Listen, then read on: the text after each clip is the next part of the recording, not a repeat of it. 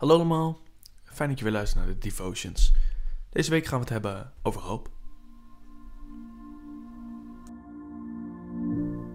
Geloof, hoop en liefde, dat zijn de drie pijlers van het christendom. En juist deze drie staan in deze tijd allemaal onder druk. Geloof, omdat samenkomen nu zo ontzettend lastig is en de online diensten overslaan zo makkelijk is. Hoop, omdat iedereen om je heen het verliest. En het doel waar we op hopen zo ver weg lijkt dat we door mist van de ellende om ons heen niet goed meer kunnen zien waar we nou eigenlijk op hoopten. En de liefde, waarvan de betekenis in deze tijd onzekerder is dan ze ooit is geweest. En ik denk dat het moeilijkste is om in deze tijd de hoop te bewaren. De hoop die zo eindeloos lijkt. Ook omdat mensen om ons heen keer op keer hoop stellen op dingen die ze zullen gaan teleurstellen.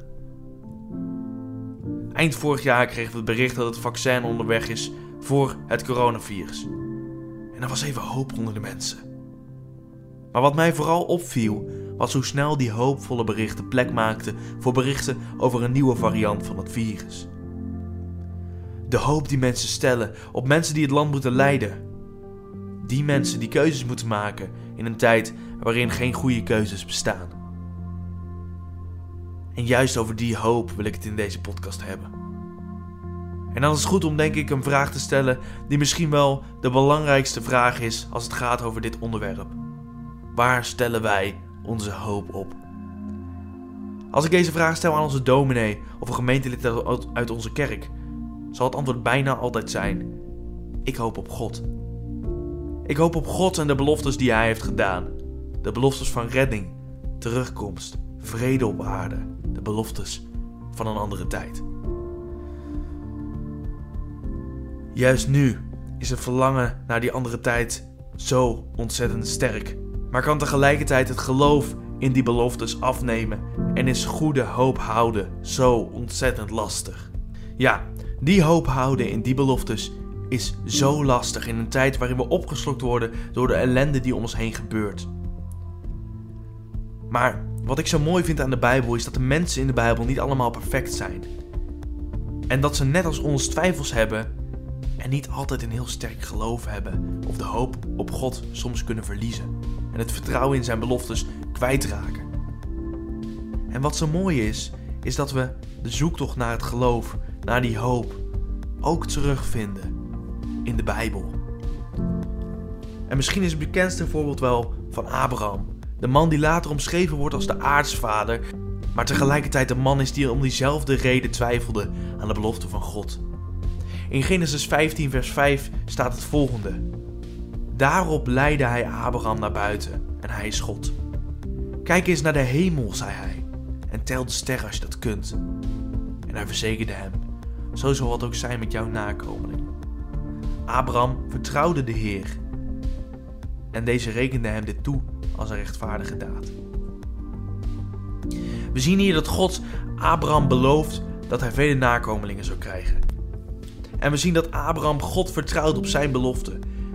Maar als je dit verhaal kent, begint Abraham te twijfelen aan deze belofte. Verderop staat: Verder zei God tegen Abraham: Wat je vrouw Sarai betreft, voortaan moet je haar niet Sarai noemen, maar Sarah. Ik zal haar zegenen en jou bij haar een zoon geven. Ik zal haar zo rijk zegenen dat er volken uit haar zullen voortkomen en er koningen van haar zullen afstammen. Abraham boog zich diep neer, maar lachte en dacht: hoe zou iemand van honderd nog een kind kunnen krijgen? En Sarah, zou zij op haar negentigste nog een kind ter wereld kunnen brengen? Hier zien we een voorbeeld van een directe twijfel van Abraham. Hoewel het eigenlijk niet kon, bleef Abraham hopen en geloven dat hij de vader van vele volken zou worden, zoals hem dat beloofd was. Maar we zien wel dat hij daar moeilijk mee heeft. Hoe kan God dit doen als het volgens de mensen onmogelijk is? En hoe kan God in de ellende van deze tijd aanwezig zijn als de mensen om ons heen de hoop verliezen? Hoe kunnen wij blijven hopen op de beloftes die God gaf? De beloftes die net als bij Abraham zo oneindig lijken te zijn. Hoe kunnen wij blijven hopen op God? De Bijbel spreekt over het hoop op God, over die keuze voor God, als iets wat je elke dag opnieuw bewust moet doen. In Psalm 25 staat: Wijs mij de weg van uw waarheid en onderricht mij, want u bent de God die mij redt. Op u blijf ik hopen, elke dag weer. En dit is net zo goed een les voor mij als voor jullie. Het kan zo ontzettend moeilijk zijn om die hoop te houden. Om je gezicht gericht te houden op de toekomst, terwijl de ruis van de wereld als een dichte mist je zicht vermindert. Maar door elke dag die keuze voor God te maken en je hoop te vestigen op de Heer, is het alsof je als ware God als een soort van zon toelaat in je mistige wereld. En die zon, die zal die mist doorbreken. En ook al is het zo dat je geloof beleven juist in deze tijd zo ontzettend moeilijk kan zijn, zoek met elkaar een manier om toch God te zoeken. Juist in een tijd waarin het met elkaar geloven zo ontzettend moeilijk is. Bel bijvoorbeeld met wat vrienden om een dienst te kijken, zodat je het over de dienst kan hebben met je vrienden. Start met elkaar een leesplan in de Bijbel hebben of moedig elkaar aan om te bidden. Bij Abraham zien wij ook dat hij in zijn twijfels op de momenten dat hij de hoop begint te verliezen, zo nu en dan herinnerd moet worden aan de beloftes van God. En herinner ze ook elkaar aan die beloftes. Want geloven, dat doe je samen. Ook in een tijd waarin dat bijna onmogelijk is. En als ik jullie één ding wil meegeven, en zoals ik al zei, dat moet ik ook mezelf meegeven, is probeer in alle onmogelijkheden die deze tijd heeft, toch de mogelijkheden te zoeken om met elkaar het geloof te vieren.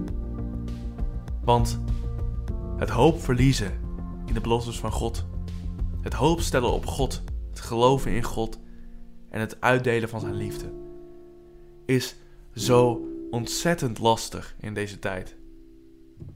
En moedig elkaar aan om dat vooral te blijven doen. Om die hoop te stellen, om het geloof te hebben en om die liefde uit te blijven delen. Ik wens jullie een hele goede week toe. En uh, ik hoop dat jullie wat hebben gehad aan deze podcast.